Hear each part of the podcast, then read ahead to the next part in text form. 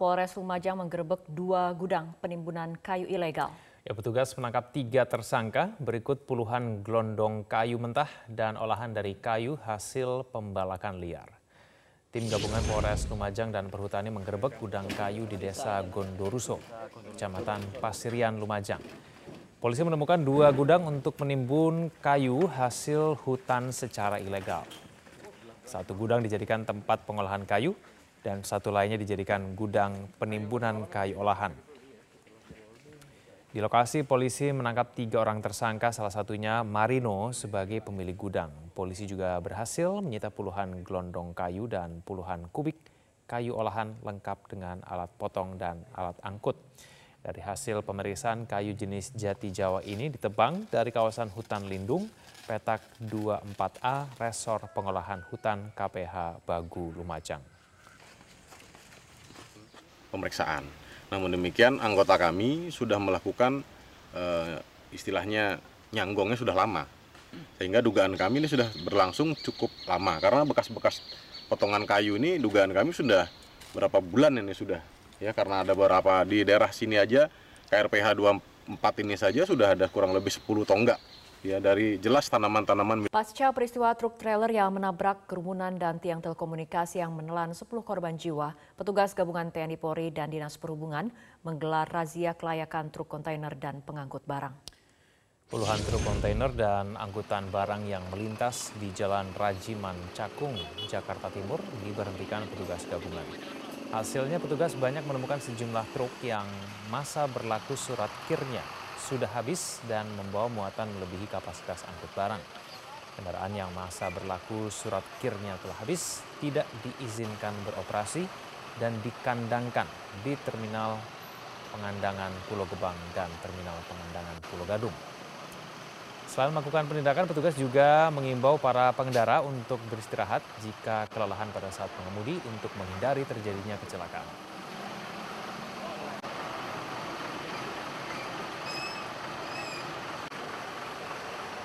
Kenaikan harga BBM bersubsidi belum diumumkan pemerintah, namun antrean pengendara di SPBU di sejumlah tempat membludak. Mereka khawatir tidak lagi mendapatkan harga BBM subsidi yang terjangkau. Seperti SPBU di Banda Aceh, antrean seperti ini mulai terlihat sejak Rabu malam. Warga mengantre untuk mendapatkan BBM bersubsidi sebelum mengalami kenaikan seperti yang direncanakan oleh pemerintah. Mayoritas warga antre untuk membeli BBM jenis Pertalite yang masih dijual dengan harga Rp7.650 per liter. Banyak warga yang harus menunggu lama untuk mendapatkan Pertalite. Tidak hanya di Banda Aceh, kepanikan warga tidak mendapatkan BBM subsidi juga terlihat di sejumlah SPBU di Kabupaten Pandeglang, Banten. Para pengendara roda 2 maupun roda 4 rela mengantri panjang demi mendapatkan BBM subsidi jenis Pertalite yang harganya masih di angka Rp7.650 per liter. Banyak warga juga yang rela mengorbankan waktunya hanya untuk mendapatkan BBM subsidi jenis Pertalite. Mereka juga berharap pemerintah tidak menaikkan harga BBM subsidi karena akan berimbas pada kenaikan harga bahan pokok di pasaran.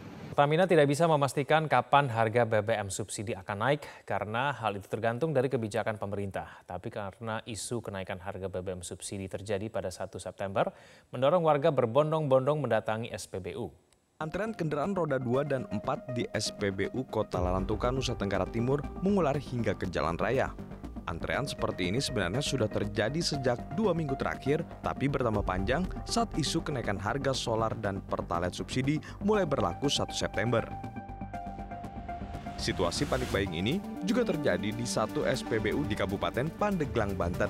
Seorang pengendara roda 4 mengaku terpaksa membeli BBM subsidi jenis Pertalite walaupun harus ikut antri panjang. Selain itu, ia juga mengaku panik dengan adanya isu kenaikan BBM pada 1 September.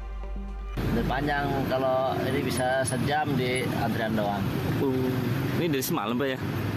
Kalau semalam udah ngantri cuma nggak nggak keburu ini waktunya nggak keburu kebagian jadi saya pulang lagi nih ngantri lagi. Hmm, ini ya bapak panik karena ada isu kenaikan apa gimana nih?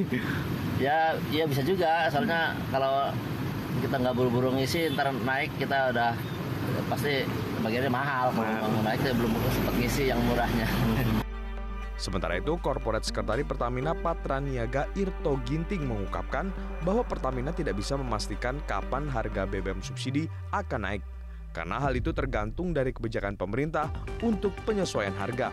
Pertamina hanya memastikan stok untuk BBM subsidi jenis Pertalite dan juga biosolar tetap aman di masyarakat. Jadi kalau pertanyaannya tadi terkait harga BBM subsidi, sekali lagi kami eh, sebagai operator masih menunggu arahan apa yang menjadi penugasan dari regulator. Sebelumnya pemerintah melalui Kementerian Keuangan sudah merilis beban APBN untuk subsidi BBM akan membengkak jika tidak ada penyesuaian harga. Masalah harga BBM subsidi ini juga sudah dibahas DPR dan DPR memberi lampu hijau agar pemerintah menghitung ulang harga BBM jenis solar dan Pertalite. Artis Nikita Mirzani kembali menjalani wajib lapor di Polresta Serang, Banten. Nikita mengaku tidak akan menjalani wajib lapor lagi lantaran kesal tidak kunjung mendapat kejelasan setelah ditetapkan sebagai tersangka. Nikita Mirzani tersangka kasus pencemaran nama baik dan Undang-Undang ITE di Polresta Serang Kota Banten. Atas laporan Dito Mahendra mengaku lelah menjalani wajib lapor setiap pekan. Nikita mengatakan laporan hari ini akan menjadi yang terakhir dan mempersilahkan penyidik jika ingin menangkapnya. Nikita mengaku tidak mendapat keadilan lantaran pelapornya Dito Mahendra yang juga tengah menjalani proses hukum mangkir dari panggilan polisi. Sementara itu, kuasa hukum Nikita Mirzani mengatakan penyidik tidak memberikan kepastian hukum yang jelas terhadap kasus yang menjerat kliennya. Sehat dalam rapor terakhir aku di Serang Banten. Bukan Amin aku yang pengen Oh, iya. uh, ini terakhir. Karena buat aku nggak fair ya karena si pelapor juga kan si Dito Mahendra ini dipanggil ke Polres Jakarta Selatan sudah dua kali dengan alasan tidak patut aja tidak apa-apa. Loh ini kan udah dikasih contoh nih kita biasanya patut ya kan wajib lapor Senin Kamis pagi-pagi kadang-kadang nyetir sendiri pagi-pagi buta gitu kan. Karena kalau udah mulai siang kan Serang ini cukup nggak cukup padat gitu kan Eh, hampir-hampir macet gitu jadi aku udah nggak mau wajib lapor lagi kalau mau tangkap aku boleh Nama Presiden Joko Widodo menempati urutan pertama untuk calon presiden di pemilu 2024 hasil musyawarah rakyat atau musra yang dimotori oleh relawan Projo. Musra merupakan forum relawan Jokowi untuk menghimpun keinginan elemen masyarakat terkait dengan capres-cawapres pada pemilu 2024. Ketua Dewan Pengarah Musra Indonesia Andi Gani Nena Wea mengungkapkan musra yang digelar di Bandung beberapa waktu yang lalu diikuti oleh 5.721 peserta. Setelah Jokowi, nama berikutnya adalah Sandiaga Uno. Disusul berikutnya Ganjar Pranowo hingga Anies Baswedan. Sedangkan untuk calon wakil presiden, posisi pertama ditempati oleh Ridwan Kamil. Andi Gani mengklaim musra melibatkan akademisi, tokoh petani, nelayan, dan lainnya. Dari 12.800 peserta yang mengikuti e-vote itu ada 5.721 peserta. Karena ada beberapa yang tidak uh, bisa mengikuti e-vote, karena itu dia adalah hasil yang kita peroleh pada saat di Musa di Bandung dari 5.721 menghasilkan hasil seperti Uh, Pak Jokowi udah tahu bang hasilnya bang? Uh, kami sudah laporkan kepada Pak Jokowi dan Pak Jokowi kami sampaikan pada di Bandung Pak kami ingin mengumumkan langsung pada masyarakat dan Pak Presiden juga tidak keberatan itu merupakan hak dari kita. Rencana pertemuan Ketua DPP PDI Perjuangan Puan Maharani dengan Ketua Umum Partai Gerindra Prabowo Subianto membuat Wakil Ketua Dewan Pembina Partai Gerindra Desmond Mahesa kaget. Desmond beranggapan rencana kunjungan Puan ke Prabowo tak biasa sebab Puan selama ini adalah sosok yang sering didatangi, bukan mendatangi. Setelah berkunjung ke Partai Nasdem, Akhir pekan ini Ketua DPP PD Perjuangan Puan Maharani akan melanjutkan safari politiknya ke Ketua Umum Gerindra Prabowo Subianto. Sejumlah agenda telah disiapkan, salah satunya adalah berkuda bersama.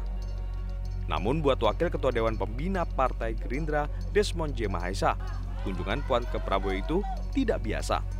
Sebab selama ini yang sering berkunjung menemui Puan atau ibunya Megawati Soekarno Putri adalah Prabowo. Ya tinggal outputnya apa? Politik itu kan output bukan pertemuannya. Ya. Nah, nanti arahnya seperti apa sih bang? Apakah arahnya kalau sama Pak Prabowo standar aja seperti siapa pun ke Pak Prabowo ya kalau berminat naik kuda diajarin naik kuda gitu kan? Atau ngopi-ngopi atau apa biasa. Kalau ini kan niat baik ya yang hari ini kita juga agak kaget dan agak aneh seorang puan mau berkunjung ke tempat lain. Biasanya kan dia yang dikunjungi, ya. Jadi Sekjen PD Perjuangan Hasto Kristianto mengklaim rencana kunjungan Puan ke Prabowo sudah disiapkan sejak lama. Hasto menepis pertemuan itu akan langsung mengerucutkan pembicaraan soal koalisi di pemilu 2024. Politik itu perlu dialog. Politik itu perlu kesepahaman termasuk adanya berbagai perbedaan. Itu juga sebagai suatu hal yang wajar mengingat setiap partai punya identitas, ideologi, platform, dan arah masa depan. Dialog itu sangat penting. Memang skala prioritas kami setelah bertemu dengan Nasdem adalah dengan Gerindra dan Golkar yang kemudian dilanjutkan dengan PKB dan P3. Direktur Eksekutif Poltreking Hante Yuda memprediksi pertemuan Puan Prabowo bisa saja menghasilkan sebuah kesepakatan politik. Bentuknya sebuah koalisi antara PDIP, Gerindra, dan PKB. Partai uh, PDI Perjuangan bisa jadi ke Prabowo kan punya hubungan dekat juga kan. Nah bisa jadi nanti PDIP dengan uh, Prabowo, uh, PDIP, PK, PDIP, Gerindra dan PKB poros satu. Uh, polar yang kedua adalah uh, KIB, polar yang ketiga tadi luar pemerintahan. Ini yang paling realistis hari ini dua poros ini ya, saya kira paling mungkin. Tapi pergerakan politik bisa mengarah nanti di antara tiga poros ini dua nyatu satu sisa. Itu kan cara cara bacanya. Saat ini Gerindra dan PKB telah berkomitmen untuk menjalin koalisi.